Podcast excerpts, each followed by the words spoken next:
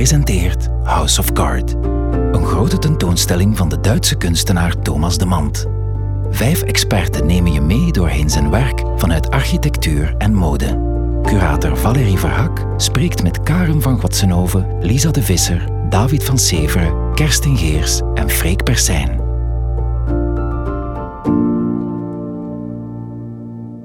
Ik ben Valerie Verhaak, curator in M. Leuven. Ik zit hier vandaag samen met David van Severen, architect uh, van Office. David, kan je jezelf even voorstellen?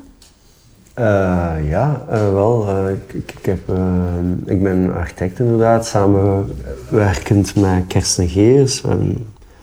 Al, al 15 jaar of langer een bureau samen in Brussel. En ja, we hebben, uh, we, denk, we hebben een bureau dat, dat echt wil nadenken over wat is nu architectuur in de wereld. En het gaat niet alleen over realisaties van gebouwen, maar het gaat over het maken van een, een, een, totaal uh, wereld die, die, die, die maquettes en uh, plannen en realisaties en denken rond architectuur, het lesgeven in architectuur, allemaal samenbrengt in, als één geheel en dat probeert eigenlijk uh, ja, mee, mee te werken. In de tentoonstelling House of Card nemen de model studies van Thomas de Mant een centrale plaats in. Zoals de titel al aangeeft, zijn het studies van modellen van andere kunstenaars, architecten of designers, zoals bijvoorbeeld de Amerikaanse overleden architect John Lautner of het nog steeds actieve Japanse architectenduo Sana, dat opgericht werd in Tokio in 1995. Ehm, hoe zie jij de rol van de maquette, van het model binnen jullie praktijk, binnen Office? Eigenlijk was model, ik vind dat ja, in de architectuurwereld is dat een maquette, maar model is ook zoiets in fashion dat enorm uh, betekenis heeft. En model heeft zo'n aller, eh, allerhande namen, ah of in allerhande context heeft dat soort andere betekenis. We hebben ooit voor Dirk Braakman een huis ontworpen. Hè? En dat is mhm. nooit echt uh, gebouwd geweest. Dat is echt tot op het punt dat het bijna ging gebeuren. En dan um, nou, is het niet doorgegaan, voor allerlei redenen. Maar dan um, was er een maquette ook. En dan hadden ze een soort conceptuele maquette ook gemaakt in beton. En, en dan hadden we nog andere grote maquettes ook, ook redelijk uh, abstracte maquettes, zo redelijk ruw. En had Dirk zo gevraagd van, ja, breng een keer wat van die maquettes, ik wil mij daarmee amuseren. Mhm. En toen heeft hij zo, ja, ik weet niet wanneer, foto's zitten trekken uh, van die maquettes. En er zijn ook dus, en die staan ook in ons boek, uh, ah, je doet er mij aan denken, het is dat ik wil zeggen. Er staan ook van die, um, ook van Venetië heeft hij toen, in de tijd, um, waarvan onze installatie toen voor het Belgisch paviljoen, zo rare close-up foto's, toen waren we eigenlijk aan dat huis ook bezig. Maar is dat eigenlijk iets wat jullie zelf opzoeken om, um, om bijvoorbeeld jullie modellen te laten fotograferen? Want dat is eigenlijk een manier om... Ja, ja we hebben dat nu net uh, gedaan ook weer. Dus we hebben eigenlijk heel veel inderdaad maquettes die, um, ja, die we nog altijd... Al, we maken ook een soort archief. Hè. Maar... Um, en, en we werken eigenlijk heel veel uh, met maquettes. Je kunt dat hier zien. Hè. Mm -hmm. En uh, uiteindelijk is dat iets uh, dat we ook interessant vinden om dan terug zo een soort tweede werkelijkheid te laten zijn. Hè? Dus inderdaad, als je er een foto van maakt, dan is dat eigenlijk niet de echte werkelijkheid, maar op zich zo'n soort miniatuurversie, maar tegelijkertijd in het beste geval is het ook weer zo zelfs geen maquette meer. Hè? En, uh, en, en dus we hebben onlangs, oh ja, dat, dat, dat Braakman verhaal is zo in, maar uh, onlangs was er een um, een um, publicatie uh, voor um, A, uh, A plus U, ligt hier? Hm. Denk het niet, spijt genoeg. Maar al sinds daarin, um, dat is een ja, soort 25 projecten worden daarin getoond en daar dachten we, ja, we moeten ook maquettefoto's hebben. En dan hebben we heel specifiek ook weer aan Stefano Graziani, dat is een fotograaf met wie we ook af en toe samenwerken, gevraagd om maquettes te fotograferen. Die heeft ook foto's van de tentoonstellingen die we in het Bozar hebben gedaan. Mm -hmm. Gefotografeerd, ook de maquettes specifiek. Ja. En, en eigenlijk interesseerde ons dat wel. Zo, wat is een object, wat is de ruimtelijkheid die het wil geven, wat is, hoe is dat eigenlijk een soort abstractie van een bepaalde... Het is een soort afbeelding van iets, maar het is eigenlijk op zich ook iets als abstract object. En Ja. ik denk dat dat ook de zeg, parallellen kunnen zijn eh, in, in die foto's dan van de mand. Hè? Ja. Maar Dirk Braakman was nu heel specifiek eh, toevallig, omdat wij daar een huis voor maakten en hij wist dat we zo werkten. Hè? Dus hij wist dat wij eigenlijk eh, met die maquettes, dat we daar ook echt mee bezig zijn. En dan hadden we zo, zo een grote, zoiets eh, betonnen maquette gegoten van zijn eh, project.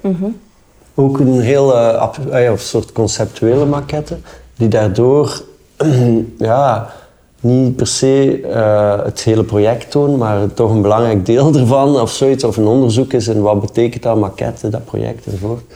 En ook heb je een soort limitaties van de materialiteit.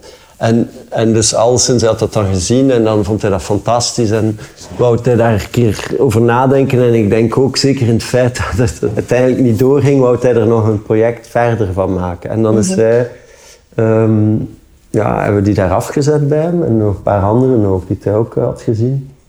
Grote maquettes van een project in Rotterdam ook, een studie. En dan eh, heeft hij daar een bepaald moment foto's van getrokken. Die staan in onze boeken.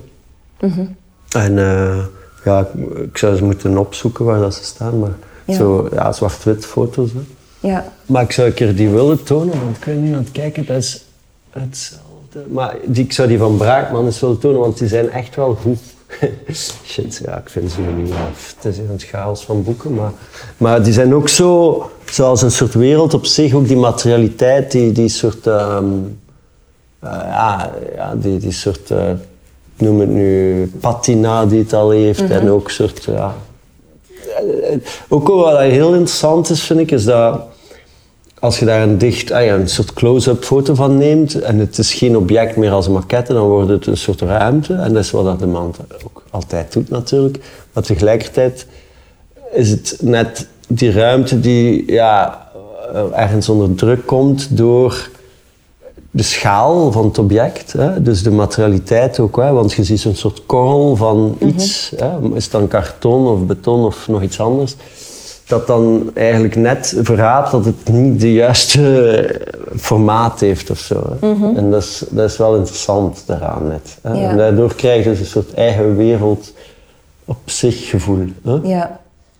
Eigenlijk bestaat al architectuur als ze gemaakt wordt. eh, of dat ze dan ook echt gebouwd wordt, dat is dan nog een tweede eh, werkelijkheid, om het zo te zeggen. Maar wij hebben altijd van in het begin gezegd dat architectuur eh, bestaat vanaf dat je eigenlijk ja, een plan hebt, een maquette, een idee en, en een aantal ja, ik denk, we moeten zowel body rondbouwen rond een project, maar anderzijds, als dan niet gebouwd wordt, dan, eh, dan is, is dat niet minder waardig of geen eh, project dat niet bestaat, om het zo te zeggen.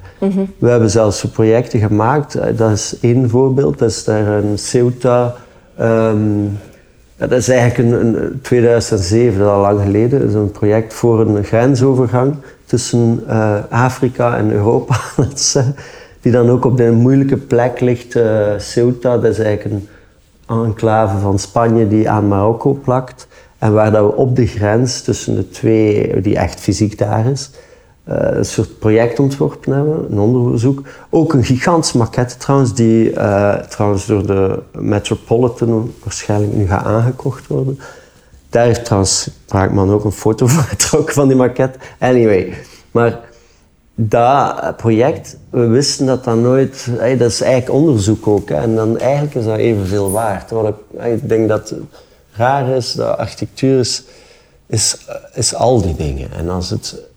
Ik vind dat het mooie aan, aan, aan wat dat de tentoonstelling potentieel kan zijn, is... Ja, die, die, die dingen moeten niet per se gebouwd zijn. Dat zijn een soort werelden op zich, of projecten op zich, die sowieso bestaan. Hè? En dus hetzelfde dan met Sana, Ja. Ehm, dus een Japans architectenbureau. Ehm, Wat denk je dat ehm, hem daar zou hebben aangetrokken om net met hen te gaan samenwerken? Want daar is het minder echt een trouvaille. Hè? Daar Ja. is het echt een bewuste keuze, want ze zijn echt nog ook actief. Mhm. Ja, en ik ben daar ook geweest op het bureau. En ik denk dat misschien, hè, ik weet het niet hoe dat gegaan is, maar dat hij daar ook geweest is. Ja. En dat dat dan eigenlijk indrukwekkend was. En dat was ook zo. Ik kan dat bevestigen, om het zo te zeggen. Dat hij daar naartoe komt en hij staat daar echt zo in die grote hal, met zo vol, met tafels, met maquettes overal. En het is zo bijna, ja, het is tussen, zo, is het nu rommel of is het een project? Hè? Het is soms heel eh, moeilijk om te onderscheiden, maar dat is het mooie eraan natuurlijk. Je hebt ook van die eh, maquettes van dingen trouwens. Eh, Mike Kelly. Ik weet niet of dat je die kent. Eh, en dat zijn ook zo ja, van die soort dingen zo samengeplakt, om het zo te zeggen. En dat is echt, oh ja, dat is dan van Mike Kelly. En dan zie je dat als object. En dat is zo, wauw. Het is een nieuwe wereld ook, hè, met zo'n kristallen in of zoiets. Dat is dan Mike Kelly. Maar hey, wat ik wou zeggen van Sana, eigenlijk is dat gelijkaardig. Dus die creëren zo zich, zich hun eigen wereld. Het is altijd wit ook trouwens. En die maquettes ook. En dan zie je zo al die dingen die in, de, in een soort research fase zitten. En die dan ook gewoon samen snel geplakt worden als werkmaquettes. Hè. En die soort eh, ja, textuur van dat werken zit er vrij in. En dat is denk ik iets dat, iets dat ongelooflijk is. En dat hij ook moet eh, op die manier gezien hebben. hè. In het bureau dan en dan achteraf natuurlijk ook als, als, een, eh, als manier van hoe kunnen daar afbeeldingen of, of foto's van maken, ah ja, of een soort wereld op zich van creëren. Ik herinner mij een tentoonstelling, ah ja, dat was eigenlijk na de biennale, was er een soort spin-off in Tokio, een tentoonstelling waarin dat we ook zaten. Maar al sinds er stond ook een maquette van Sanaa en van een Rolex Learning Center. Hè? En dat is zo één versie, ja, met allerlei dingen samengeplakt. En dat is een van hun werkmaquettes.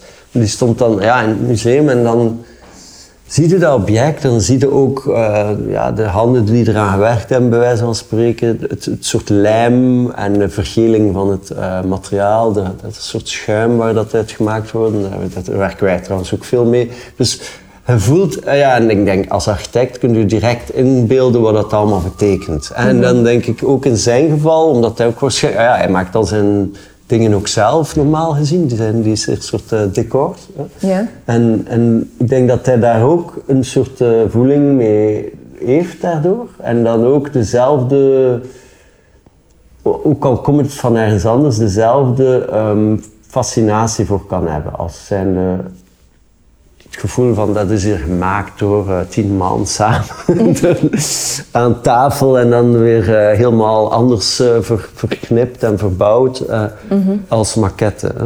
Ook het feit dat dat nooit af is, is ook iets interessants. Hè?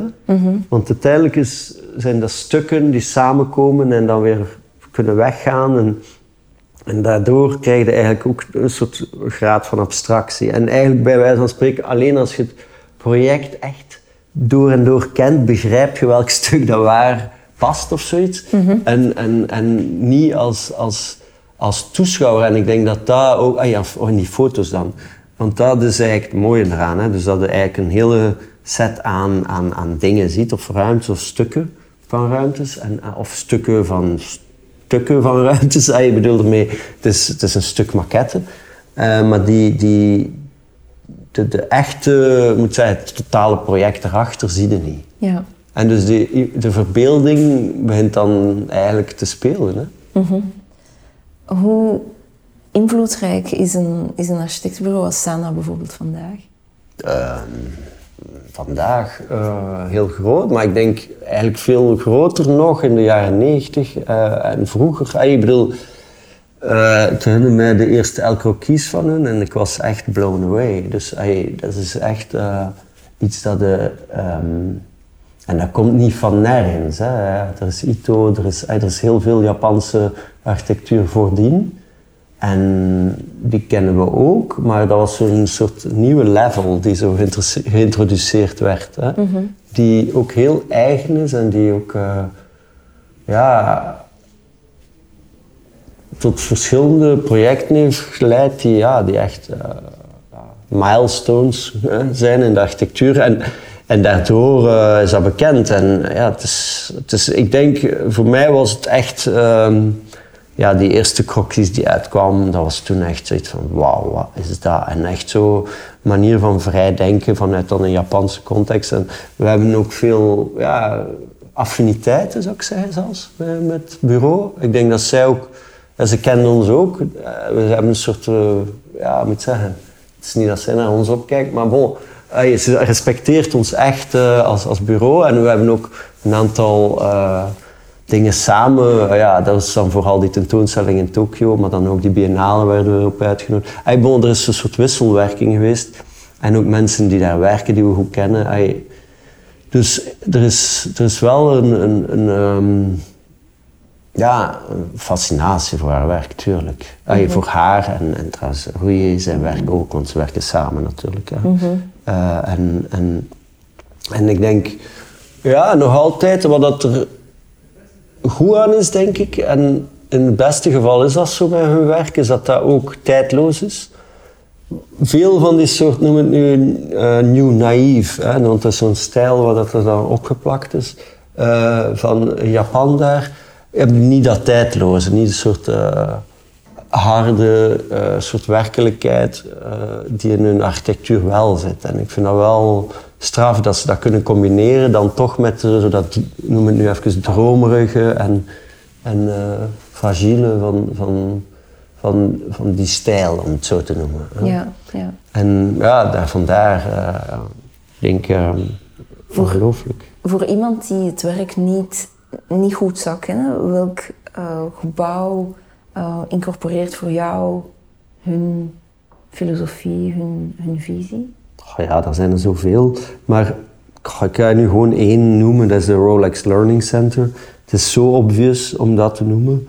Het is ook een soort, ja, Sana is ook echt uh, in, in buitenland. Hij ze heeft eerder werk gemaakt in Japan, maar dan de grotere projecten zijn eerder in het buitenland gekomen, raar genoeg. Mhm. Ze moet soms zo wel weggaan van uw land om dan terug te kunnen keren. En, uh, en zij heeft dat zeker ook gedaan. En ja, dat was zo een van die legendarische wedstrijden die ze toen gewonnen heeft en ook gebouwd. En nu toevallig gaan wij daarnaast een ander gebouw zetten. Dus vandaar dat ik het als voorbeeld geef. Maar het is echt ook, ik denk, een heel goed voorbeeld. Omdat uiteindelijk is het zo radicaal in hoe het eigenlijk heel eenvoudig is en tegelijkertijd enorm complex in zijn vorm. Hè. Dus, dus als het van boven bekijkt, als een, een, een blad papier.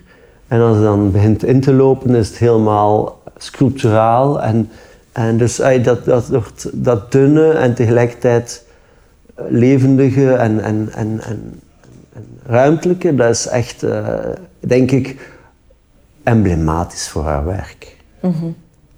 Of mm -hmm. hun werk, moet ik ook zeggen. Ja. Dank je David voor dit gesprek.